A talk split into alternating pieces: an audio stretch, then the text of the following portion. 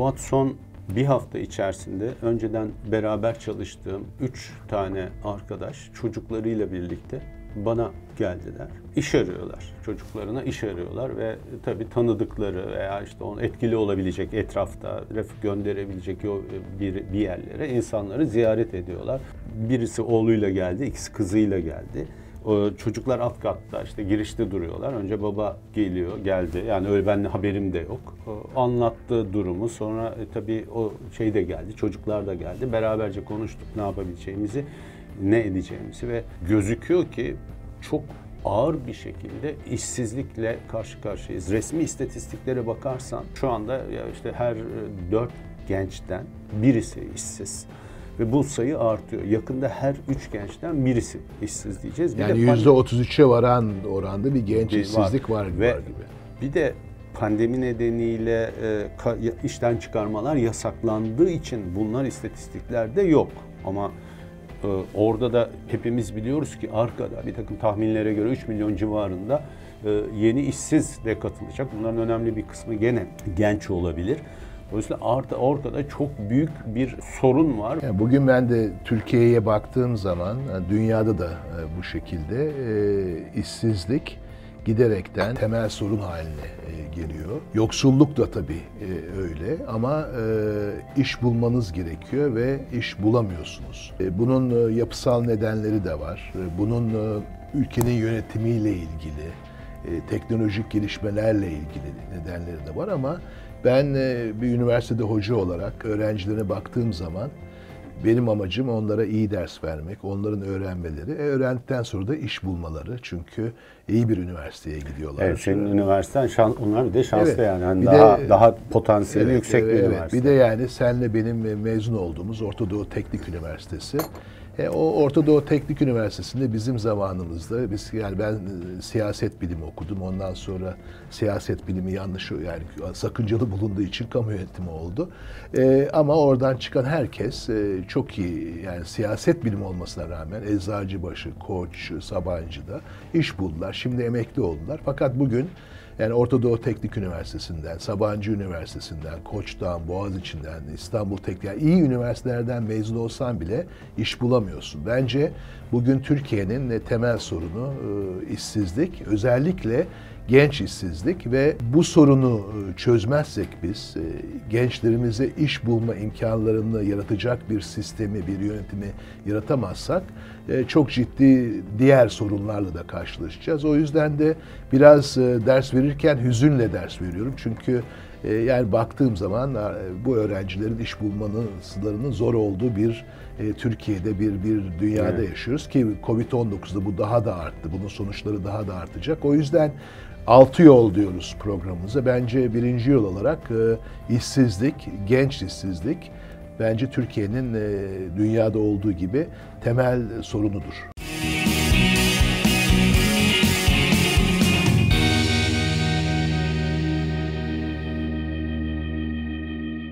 ODTÜ deyince aklıma çağrışma olarak geldi. Geçen yıl bir panel vardı. ODTÜ İktisat Bölümünün 60. yıl dönümü kutlamaları çerçevesinde oradaki en önemli mesele de ODTÜ öğrencileri soruları sormaları işle ilgiliydi ve istihdamla ilgili. Nasıl işe gireriz, nasıl istihdam konusunda yaparız. Yani aslında e, orada bile ki iyi okullardan birisi e, istihdam sorunu, iş sorunu, işe girme sorunu büyükçe bir sorun haline gelmiş senin üniversitende olduğu gibi. Ama yani bu işin toplu bir çözümü yok diye başlayayım ben. Çünkü ortada işsizliği üreten bir sistem var ve bu sistem ülkeler arasında zaman zaman farklı oranlar oluştursa bile ve Türkiye'de şu anda olduğu gibi çok vahim bir seviyeye gelse bile sisteme kapitalist sistem dersek eğer bu sistem işsizlikle birlikte anılmak durumunda. Sistemin doğası gereği var. Çünkü sistem üzerindeki şirketler ve şirketlerin gelişimi ile e, üzerine dayanıyor. Şirketlerin gelişimi demek, yatırım demek her şey ona dayanıyor ve oradaki mesele de tabii ki şirketler kar etmek istiyorlar. Kar demek verimlilik demek aslında. Bir yandan bakarsan şirketlerin verimli olması aslında e, daha az insanla daha yüksek çıktı üretebilmelerine bağlı. Dolayısıyla sürekli bir verimlilik, sürekli bir yeniden yapılanma, organizasyonu düzeltme gibi bir arayış içinde olmaları lazım. Bunu hani iyi yapıyorlar böyle anlamda söylemiyorum. Sistemin doğal verdiği kural çerçevesi böyle diyor. Öbür taraftan teknoloji gelişiyor ve hepimiz diyoruz ki Aa, teknoloji sayesinde işte yeni iş olanakları çıkıyor. Doğru ama teknoloji aynı zamanda çok daha fazla iş olanağını da kapatıyor. Bunu da kabul etmek lazım. Robotik teknolojiler zaten evet. çok etkili oldu biliyorsun. E, iş, insan e, bu arada da yan faktörler var. İnsan hayatı uzuyor ve o uzama demek insanların daha geç emeklilik olması lazım. Benim babam hani 45 yaşında emekli oldu. Vefat ettiğinde 85 yaşındaydı ve 40 yıl boyunca emekliydi. 45 yaşında onun yerine bir başka insan geldi. Ee, iş, o, iş buldu. Şimdi 65-70 yaşında belki emekli olmaya başlayacak insanlar. Dolayısıyla orada da bir alan daralması var. Kabaca diyeceğim şey işsizlik evet Türkiye'de fazla ama Amerika'da da var, İngiltere'de de var, Fransa'da da var. Yani işsizlik sistemsel bir sorun ve bugünkü sistem iş, radikal bir bakış açısı olmadığı müddetçe işsizlik üretmeye de devam edecek.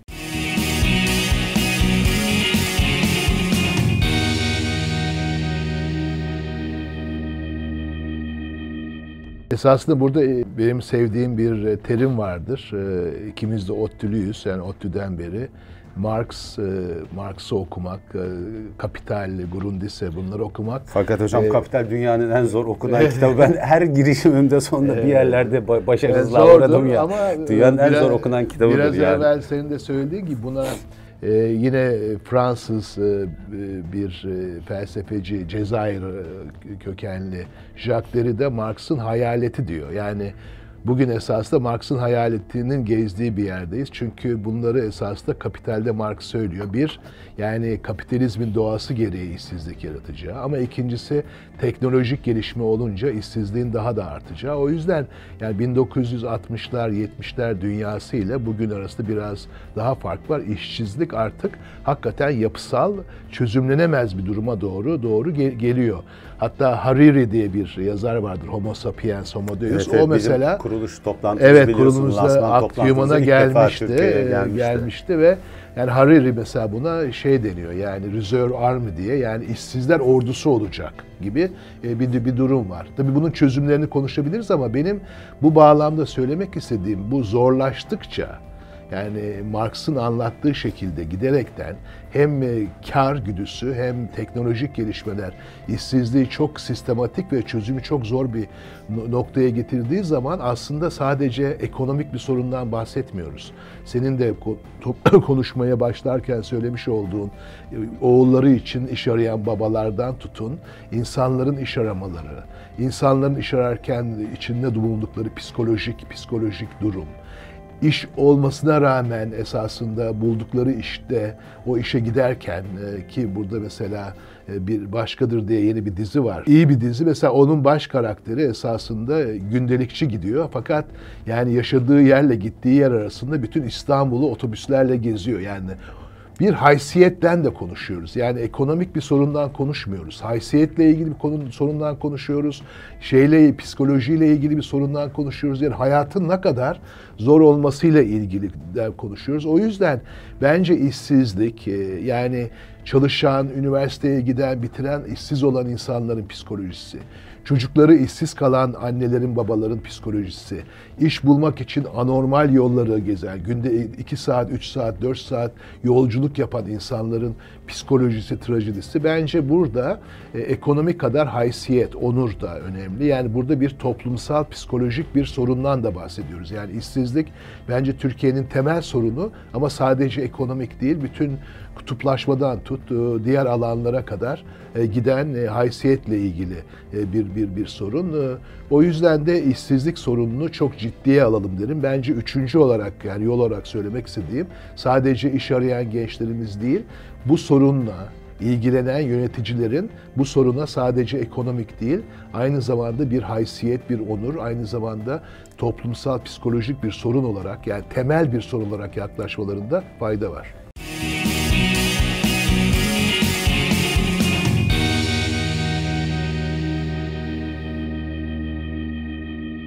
İnsanlar zaman zaman böyle tavsiyelerde bulunuyorlar. Tabii sonunda bireysel bir konu bu. Benim iş bulmamla ilgili bir konu. Biz ne kadar hani genel konuşabiliriz ama sonunda bu o adam, o çocuk, o genç e, bir iş bulma ve bireysel e, bir bakış içerisinde. Onlara da böyle şey tavsiyelerde oluyor. İşte mülakatlara daha iyi nasıl davranırsın?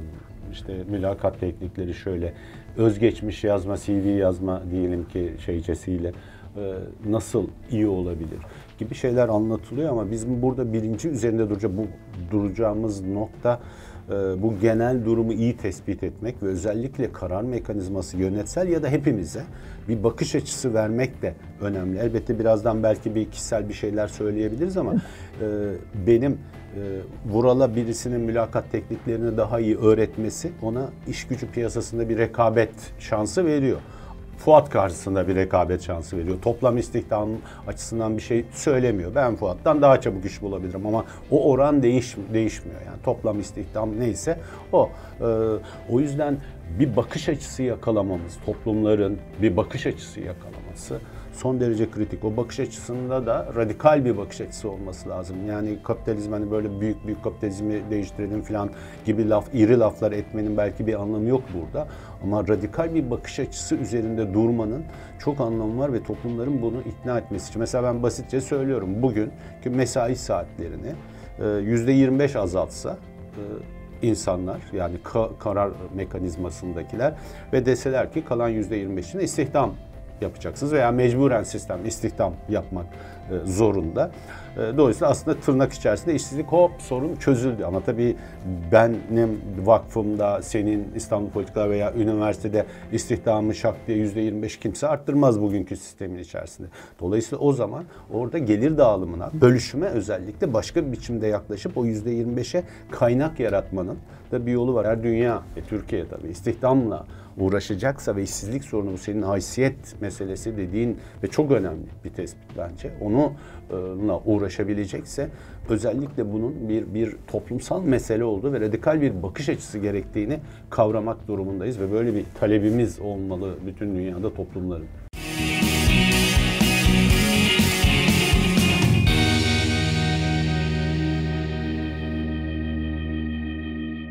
Biraz makro, daha toplum düzeyinde e, neler yapılabilirle ilgili bir takım şeyler söyleyeceğim ama onu söylemek için biraz anekdotlar anlatayım. Biraz da yani zevkli olabilir bu sohbetimiz. Bunlardan bir tanesi bir, bir belli bir dönem önce bir gün e, Diyarbakır'daydım araştırmalarla ilgili. O Diyarbakır'da Uluhan vardır. Orada hmm. çay içersin. E, çayımı içtim. Çay içten sonra affedersin tuvalete gittim. Tuvaletten çıkarken bir para veriyorsun. O parayı verirken e, parayı alan çocuk, kolonya veren çocuk e, ufacık bir ekrandan e, televizyon seyrediyordu e, ve e, televizyona bakarken ya da bir ekrana bakıyordu. Ekrana bakarken benim de ilgimi çekti. Ne seyrediyorsun dedim. Çünkü Kurtlar Vadisi seyrediyordu. Yani ne seyrediyorsun dedim. Kurtlar Vadisi seyrediyorum dedi.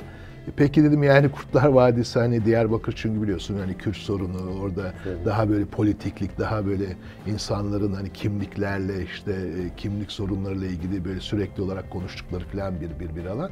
Yani Kurtlar Vadisi nedir falan dedim. E dedi biliyorsun abi dedi burada dedi ya dedi mafya olursun ya dağa çıkarsın dedi ki bunu söylerlerdi. Ama işsizlikle ilgili bir şey. Çünkü iş yok dedi, eğitim yok dedi. Yani iş, iş olmayınca dedi ne yapacaksın dedi. Yani ya dedi mafyaya gidersin dedi ya da dedi daha çıkarsın dedi. İkincisi örnek vereceğim. E, mesela biraz evvel söyledi. Şimdi teknoloji geliştiği için deniyor ki yani biz esasında yani parası olan bir dünyada yaşıyoruz. Para bir sorun değil. O yüzden de işsizlik ama yapısal bir sorun. O yüzden de insanlara artık bir e, temel e, gelir diye bir, bir para verelim. Finlandiya'da Avrupa'nın bazı ülkelerinde de başladı, başladılar. Çünkü hakikaten teknoloji deyince mesela şöyle bir şeyden bahsediyoruz. Biz Amerika'da, işte Kanada'da, Avrupa'da çocukları, ilkokul çocukların okula ya da ortaokul, lise çocukların okula işte o sarı otobüsler, yani özellikle Amerika'da, Kanada götürür. Ee, yani bir taraftan hani otobüs diye bir şey vardır, hani toplu taşımacılık ama şoförleri vardır, otobüs şoförleri ya da kamyonlar vardır, kamyon şoförleri. Şimdi yapılan e, araştırmalar gösteriyor ki yani 10-15 yıl sonra belki bizim kamyon şoförüne, otobüs şoförüne ihtiyacımız olmuyor. Yani giderekten biraz evvel senin söylediğin gibi yani işsizlik yapısal bir hale çözümsüz bir hale gelince o zaman katkı vermen lazım. Bütün Ve depolar şeye robota dön. Evet. Amazon deposu Evet, vesaire evet. bütün büyük depolar şu anda Oralarda robotik- insan robotik çalışmak yerine robotlar Evet. çalışıyor. Şimdi öyle olunca o zaman işte basic income denen temel bir gelir verelim biz bunlara diye. O yüzden de yani çalışamıyorsa bir hani öyle bir iş araması e, durumu olmasın diye. Fakat yapılan araştırmalar Finlandiya dahil olmak üzere gösteriyor ki insanlar ilk başta evet diyorlar. Yani işte bin dolar ya da bin euro, bin iki yüz euro bir hani gelirim olsun. Yani onunla da ben belki başka şeyler yapayım. Fakat sonra o parayı almak haysiyetle ilgili bir şey ve sonradan deniyor ki ya ben iş sahibi olmak istiyorum. Bana para verilmesine, katkı yardım edilmesini değil, ben iş sahibi olmak istiyorum. O yüzden de mesela bu temel ihtiyaçta para olması da yetmiyor. Yani işi yaratman lazım. Orada da bir haysiyet şeyi var. Ee, üçüncüsü de e, mesela Trump yani kaybetti ama e, 70 milyon oy aldı. Nerelerde oy aldı diye baktığın zaman ekonomik olarak işsizliğin artık yapısal olduğu ve beyaz Amerikalıların oldu. İşte oraya Virginia, Michigan deniyor.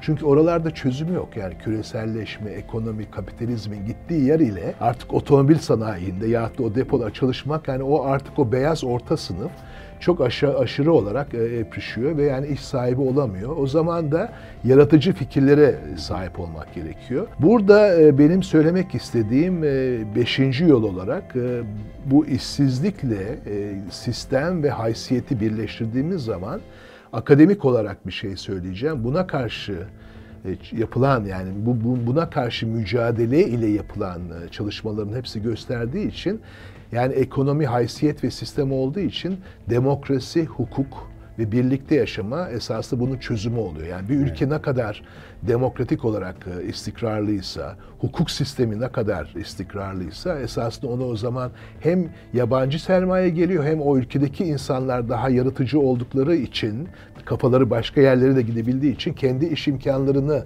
yaratabilirler. Mesela onlara startup falan diyoruz bugün. Yani Evet, evet. yeni iş imkanlarını kendileri yara- yaratıyorlar. Beşincisi bence demokrasi, hukuk ve birlikte yaşamanın ne kadar önemli olduğunu işsizlikle de anlıyoruz.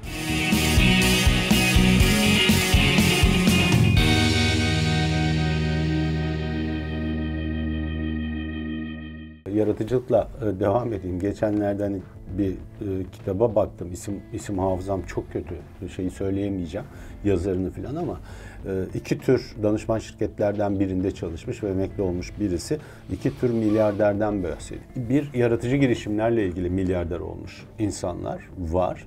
İkincisi ise kamu siyasi iktidarlarla ilişki içerisinde devlet kaynaklarına e, el uzatarak, uzanarak ve onları kullanarak e, milyarder olmuş kişiler. İkinci tür insanların ülkeye ve ekonomiye bir katkısı yok.